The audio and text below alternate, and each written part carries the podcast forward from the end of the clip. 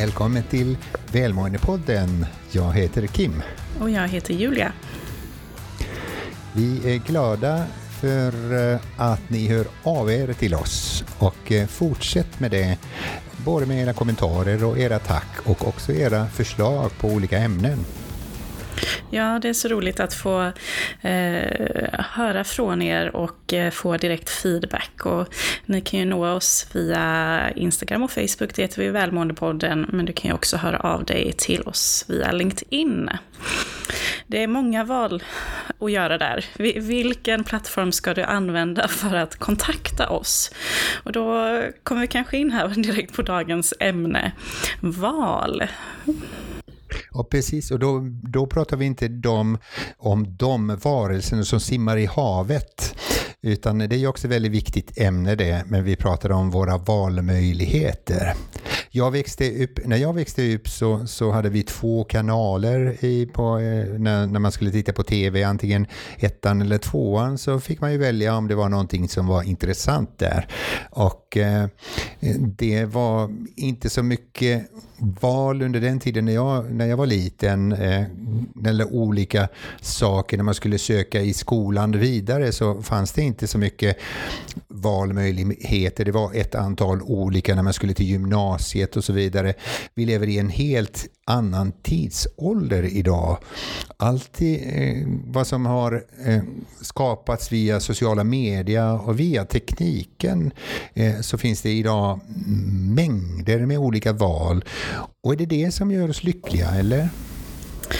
Ja, det är ju någonting som går att ifrågasätta hitta.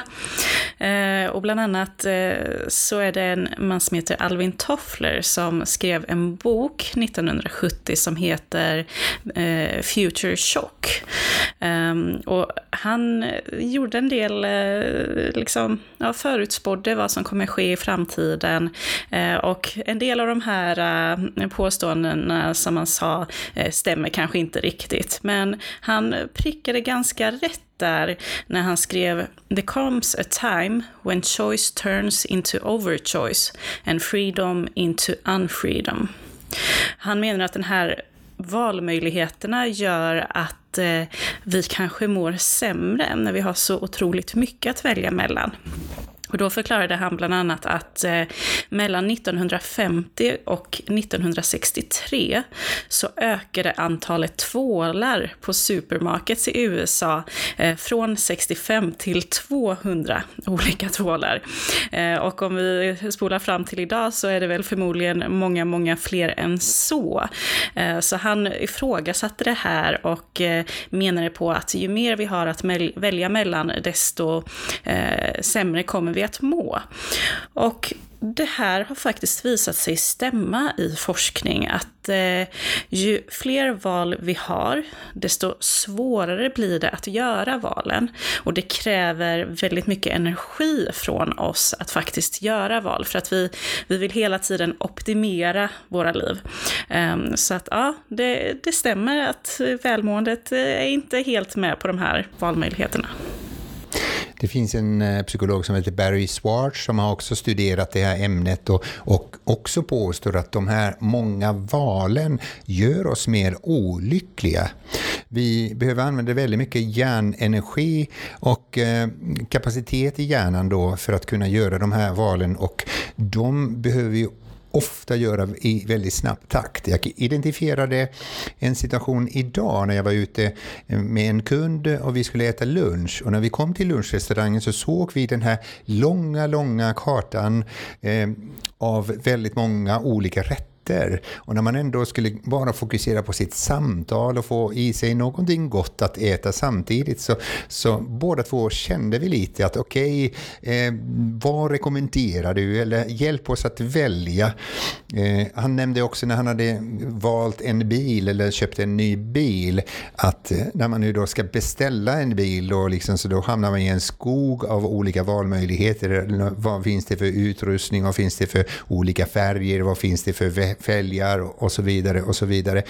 Och eh, det gör oss rätt eh, förvirrade. Det finns ju rätt ofta på sociala medier folk som frågar efter tips på vad är det jag ska titta på eh, när det gäller då Netflix eller HBO eller någonting. Har ni några rekommendationer? Och det innebär inte att det inte finns någonting att välja mellan utan det är precis tvärtom. Att det finns så mycket att välja mellan så att man hamnar i en stor skog där man lätt kan gå vilse.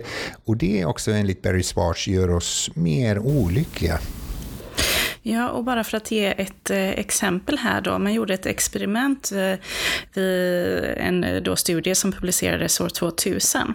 Och då fick deltagarna smaka på gourmetsylt, eller sylt då som var gjorda i sån här gourmetaffär. Och första gruppen de fick testa sex stycken olika sylter. Och den andra gruppen de fick testa 24 olika sylter. Och sen visade det sig så då att man hade möjlighet att välja en sylt och köpa med sig hem hem. Och eh, 30 procent i den första gruppen, de valde faktiskt att köpa en sylt. Men i den andra gruppen så var det bara 3% som valde att köpa en sylt. Och dessutom så var den första gruppen mer nöjda med syltprovandet än vad den andra gruppen var. Och man har gjort liknande studier också där man har eh, gjort skillnader mellan chokladsorter och första gruppen fick testa sex olika chokladsorter och andra gruppen 30 olika chokladsorter. Eh, och de som fick testa färre, de var mycket mer nöjda med den här provningen. Och det är ju intressant att eh, man tror att ju mer man har att välja mellan, desto mer kan man optimera den perfekta önskemålet eller den perfekta smaken om det är det det handlar om. Men det visar sig faktiskt att vi blir mer förvirrade och mindre nöjda. Det finns ju idag också de här olika gymnasiemässor där man går in på en stor mässa för att man ska välja eh, var man ska studera och redan då bestämma riktningen till sin framtid. Och det kan, bla, det kan väldigt många unga människor de konstatera att det, man blir mer förvirrad när man har varit med på en mässa än, än tidigare. Om man, om man inte tidigare haft en klar bild av vad man verkligen vill så, så vi lever i ett samhälle med mängder med olika valmöjligheter. Vad, man än, vad ska man ta på sig, vad man ska äta, vad man ska jobba med, på vilket sätt man ska jobba med och eh, vilka val man ska göra. Och eh, hur, hur kan man komma ut ifrån detta, den här karusellen? Jag kan tänka mig en människa som kommer ifrån en kultur där det är väldigt enkla förhållanden och så kommer den då till exempel till vårt samhälle och, och vi ber den att kan inte du gå till affären, där finns det en ICA Maxi eller något någonting annat. Köp senap och kom tillbaka med den. Och den personen blir helt förvirrad när man kommer till disken och så ser liksom mängder med olika varia variationer och, och, sorter och så vidare. Och, och, eh, och, och uppgiften var bara att köpa senap. Eh, och då finns det ju enorma valmöjligheter och då blir man förvirrad. Och nu har vi de här valmöjligheterna i alla möjliga sorter och områden. Vad gör man då för att känna sig mer trygg och lycklig?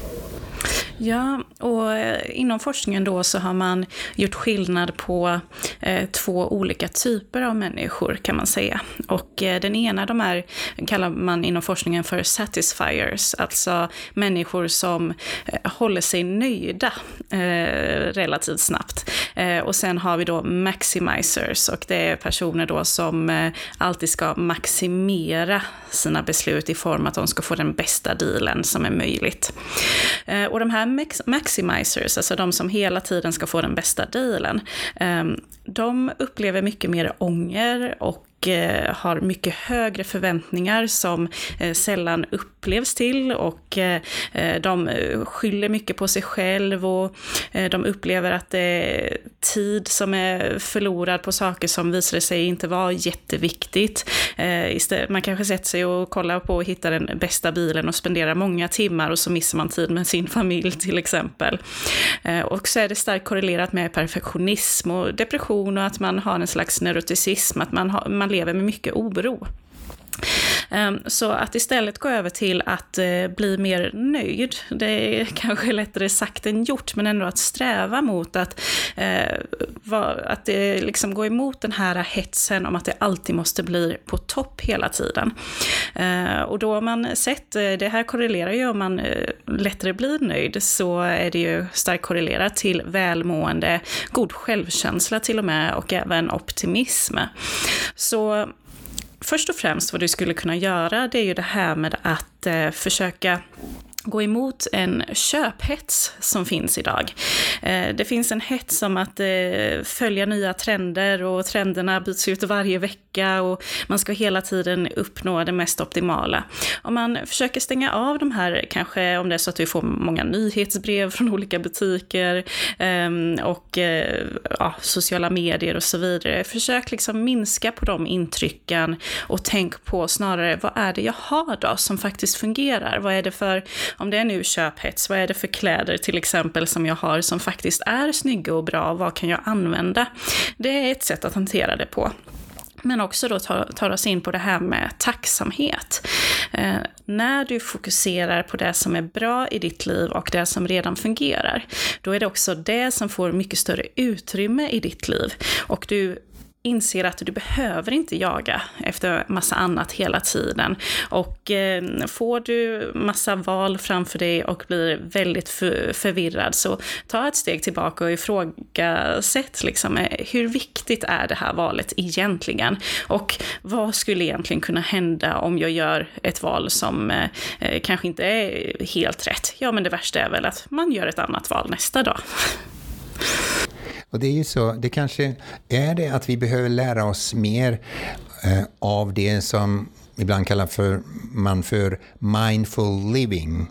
Att finnas i nuet. Rätt ofta när vi ska göra våra val, precis som också det handlar om våra rädslor, vi är alltid rädda för någonting som eventuellt kommer i framtiden. Och det är också våra val, vi fokuserar på framtiden och sen när vi har gjort våra val så fokuserar vi det som har varit och, och kanske tänker, var det bra val? Ång, nu kanske jag ångrar mig, det kanske fanns ett, ett annat alternativ. Och då missar man det här i mitten den sektionen som handlar om nuet, att bara finnas i nuet och, och, och, eh, lära sig dels det här med tacksamheten och vara förnöjsam eh, för, för saker och ting som man upplever eller som man äger eller som man har eller de relationer som finns där.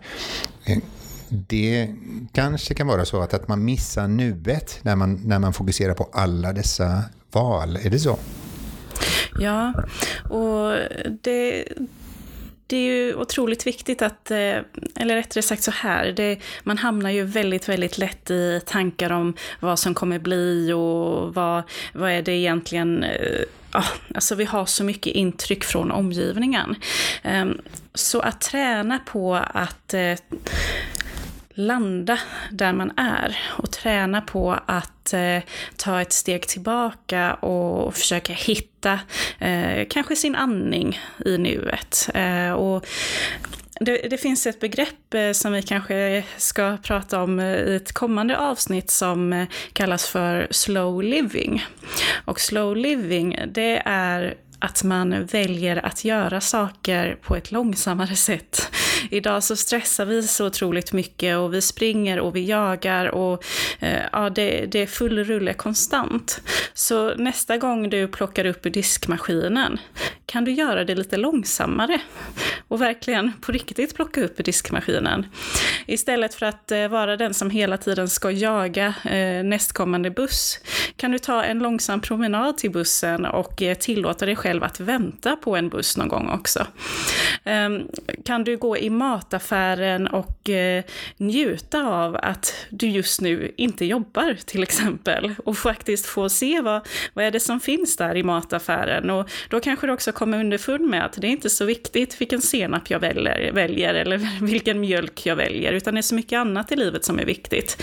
Kanske ta med ditt barn i mataffären och eh, få umgås med ditt barn när du ändå är och handlar till exempel där, på tal om det, så hörde jag faktiskt någon som berättade alldeles nyligen att, att hon hade extra mycket tid innan, innan hon skulle börja sitt arbete. Och då åkte hon till mataffären där hon skulle ändå handla, men över en timme hade hon på sig, så hon använde den timman att gå runt i mataffären. Hon sa att det är en väldigt lycklig upplevelse att bara strosa omkring och titta på hyllorna och så välja hon. Och hon nämnde att hon, det blev inte mer handlat än, än hon skulle, men, men det var den här lite mer slow pace, liksom att ta det lite lugnt och titta på vad som finns där jämfört med alla andra gånger där hon har sprungit omkring och, och hämtat saker och ting och gjort de här snabba valen. Vad ska jag köpa? Jaha, här har vi någonting som är på extra pris men kanske det andra har bättre kvalitet. Eh, och eh, så det var en, en, en härlig upplevelse, berättade den här människan. Och det är viktigt att ställa den frågan, vad är viktigt på riktigt? Jag hade idag en start på det, med det verktyget som vi arbetar med, ledarskapsarenan, där vi tränar många ledare. Och eh, ofta så, eller alltid, så börjar vi med den processen med att de får göra en övning om sina värderingar. Vad är viktigt för mig i livet? Och det blir en väldig ögonöppnare för många människor att tänka liksom, det här ska jag påminna mig själv om, också inför olika val. Vad är viktigt på riktigt? Och då, då är det väldigt lätt att man, man kan, som för mig handlar det om att, att när jag stryker skjortor hemma, det är min mindfulnessövning, det har blivit en riktig avkopplingsstund då, att, att bara stryka sina skjortor. Eh, det missar vi rätt ofta när vi ställs inför väldigt många nya val hela tiden under ett dygn. Ja, och vi säger ju inte här nu att samhället borde vara ett eh, icke valfritt samhälle. Eh, självklart inte, utan det handlar om att hitta den här balansen från överdriven valfrihet till att du själv tänker till, vad är det som är viktigt på riktigt? Och är det någonting som är otroligt viktigt för dig, ja men ta dig tid till att göra bra val där. Men det är så många val vi erbjuds i samhället idag som är väldigt onödiga för oss, som vi egentligen bara kan släppa. Så vi skickar med dig det. Fundera på vad som är viktigt på riktigt och ge, gör fler medvetna val i din vardag. Tack snälla för att du lyssnar på Välmående-podden som vi började med här, så får du jättegärna höra av dig till oss. Eh, och följ oss gärna på sociala medier. Vi heter Välmående-podden på Instagram och Facebook. Och vi hörs snart igen.